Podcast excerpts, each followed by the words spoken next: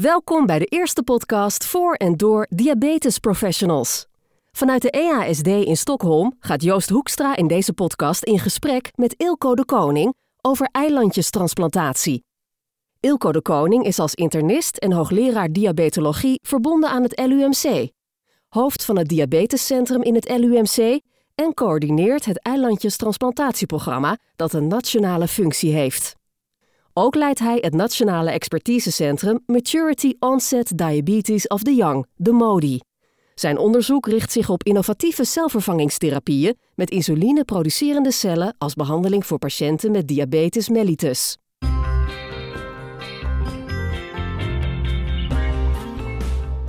Ilko, hartelijk welkom. Dankjewel. Zou je misschien heel kort kunnen zeggen waar we nu staan met die eilandjestransplantatie? Eigenlijk zie ik eilandjestransplantatie als het gaat om uh, mensen met een zeer gecompliceerde diabetes. Hè, wat betreft uh, glucoseregulatie in het algemeen. Dat het een soort laatste optie is als je er met alle technologie die we hebben, sensoren, pompen, enorm goede begeleiding door een diabetesteam hè, dat je er niet, toch niet uitkomt. En vaak is dat dan nou, jaren van uh, worsteling in het van, algemeen. Van narigheid achter de Hè. En dat je op een gegeven moment zegt van, goh, eh, hebben we nog een, een optie voor deze patiënten om toch de kwaliteit van le- leven te verbeteren? Heel lang geleden, laten we zeggen twintig jaar geleden, toen, toen heb ik me wel eens afgevraagd van waar gaat de patiënt met pas ontdekte type 1 diabetes nou binnenkort het meeste baat van hebben? En toen heb ik serieus gedacht van nou, misschien toch wel die immunotherapie of betceltransplantatie of techniek. Nou ja, het is dus toch techniek geworden. Eigenlijk best jammer, want je had gehoopt dat het met die immunotherapie en eilandjestransplantatie ook sneller was gegaan. Ja, kijk, het zijn natuurlijk allemaal verschillende interventies. Hè? Als je het hebt over immunotherapie, dan heeft immunotherapie bij mensen die al het grootste gedeelte van hun beta-cellen hebben verloren, heeft geen zin meer. Weet je, dan, dan, dan zit je al langer in het proces. Hè? Dat is eigenlijk alleen maar bij mensen die net type 1 diabetes hebben of ervoor. Hè? Dus dat is echt wel dan ja, preventie. De technologie is natuurlijk hè, verbetering van kwaliteit van leven. Ontzettend belangrijk. Maar als je het hebt over transplantatie van insuline-producerende cellen, heb je natuurlijk over een echte oplossing voor mensen. Nou ja, daar, daar zitten allemaal haken en ogen aan. Met betrekking tot het levenslang gebruik ook van afstotingsremmende middelen. Dus daarom doen we dat nog steeds maar bij een hele kleine groep van patiënten. En door tekort aan orgaandonoren. Ja, is dat eigenlijk een groot probleem? Ja, dat, dat is een groot probleem. Want in Nederland hebben we maar ongeveer 250 orgaandonoren per jaar. Dus dan zou je zeggen maximaal 250 pancreassen. Nou, van die 250 zijn er misschien zo'n 80 bruikbaar. Een gedeelte gaat naar de pancreas, een gedeelte naar eilandjes. Maar ook mensen die orgaandonor zijn, worden steeds ouder, waarbij de kwaliteit van de organen ook steeds meer afneemt. Dus uiteindelijk het aantal organen dat bruikbaar is voor transplantatie is gewoon heel erg klein. Dus dat is eigenlijk ook een enorme beperking Ja, om tot, ja want, je, want je wil een goed tot cijfers te komen. Want je wil een goed product kunnen geven. En hè, een goed celproduct kunnen geven. Als jij nou terugkijkt, is dat nou de grootste handicap geweest eigenlijk? Die beschikbaarheid van, van eilandjes? Nou, ik, weet je, ik denk dat ehm, wat heel belangrijk is, is die verbetering van de technologie. Daarom is het aantal mensen dat echt ernstige hypoglycemie problematiek eh, heeft, is daardoor een stuk eh, lager geweest. Dus kunnen we in feite ook gelukkig dat aantal patiënten dat een transplantatie nodig heeft beperken. Maar we hebben nog steeds een, een wachtlijst hè, van enkele jaren. Dus ja, dat, dat, en dat zijn toch mensen met de ernstige glucose-gerelateerde, of glucose-regulatie gerelateerde problematiek. Dus er blijft een pro- kleine eh, probleempopulatie eh, wat dat betreft. Hoeveel patiënten worden nou per jaar via het LMC behandeld op deze manier? Nou, als je kijkt naar pancreastransplantatie, hè, dat is vaak in combinatie met een nier. Hè, dan, en vaak bij wat jongere mensen zonder veel cardiovasculaire morbiditeit. En dan zijn er ongeveer 20, 25 per jaar in Nederland. Grootste gedeelte in, eh, in Leiden. En wat betreft de eilandjestransplantatie zijn dat er zo'n 5 tot de 8 per jaar in Nederland. Hè. Dus ja, dan de- denk je aan tussen de 30 en 35 mensen in totaal die zo'n behandeling ondergaan. En dat is dan, en als er genoeg beschikbaar zou zijn aan eilandjes, dan zouden er veel meer patiënten zijn die dat zou ondergaan, denk nou je? Nou ja, niet heel veel meer. Maar je kan in ieder geval, waarschijnlijk heb je dan wel toch een beter product, omdat je selectiever kan zijn. Hè, waardoor ook de uitkomsten uh, verbeteren. Uh, en dat mensen langer, minder lang hoeven te wachten.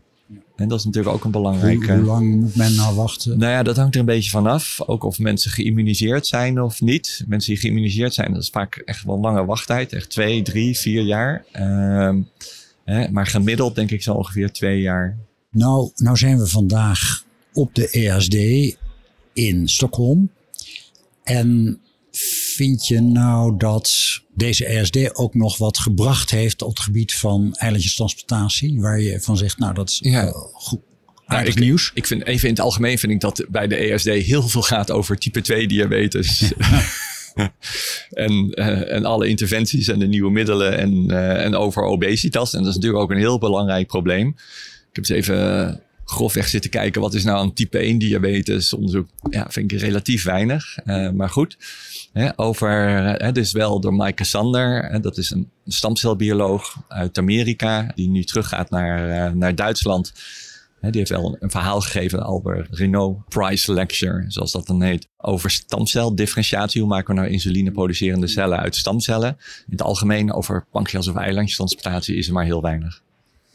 Het gaat langzaam met die eilandjestransplantatie. Zou je nog eens vijf jaar vooruit willen kijken?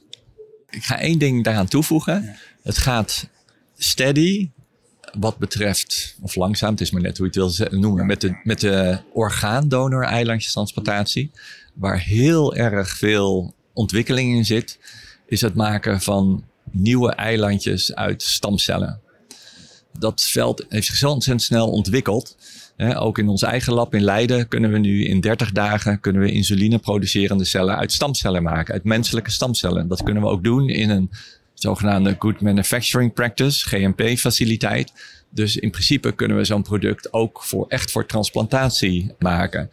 Dus daar zit heel erg veel ontwikkeling in. En in Europa is nu ook op deze ESD voor het eerst een, uh, dat, dat, dat was een, uh, een studie van Vertex, die ook die stamceleilandjes maakt uit in uh, bedrijf in Amerika.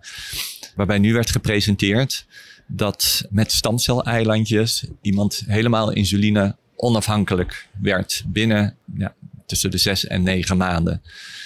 Dat geeft al aan dat het niet alleen meer in het laboratorium is, deze ontwikkeling, maar dat het ook al die translatiestap is gemaakt en dat de eerste studies nu bij patiënten zijn uh, gedaan.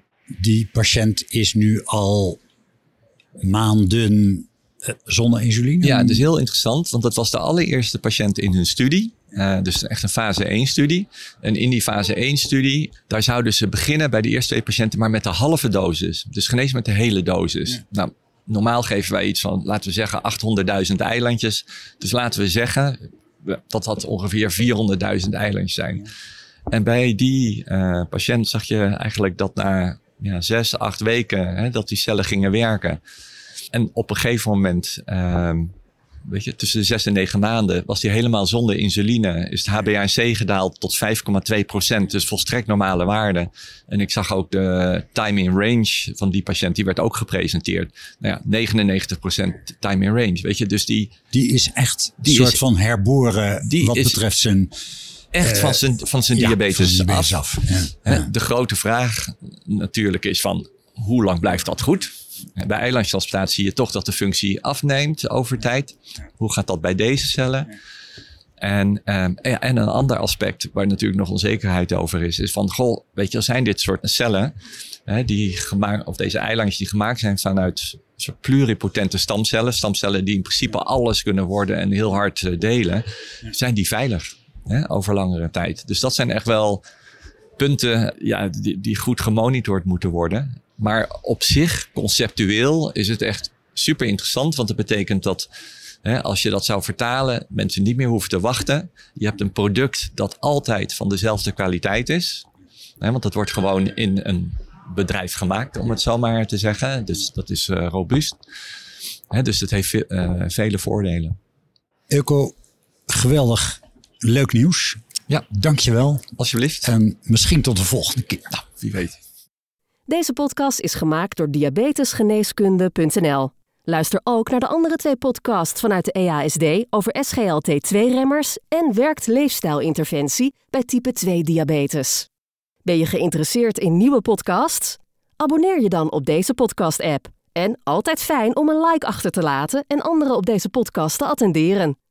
Voor het laatste congresnieuws van de EASD in Stockholm ga je naar diabetesgeneeskunde.nl.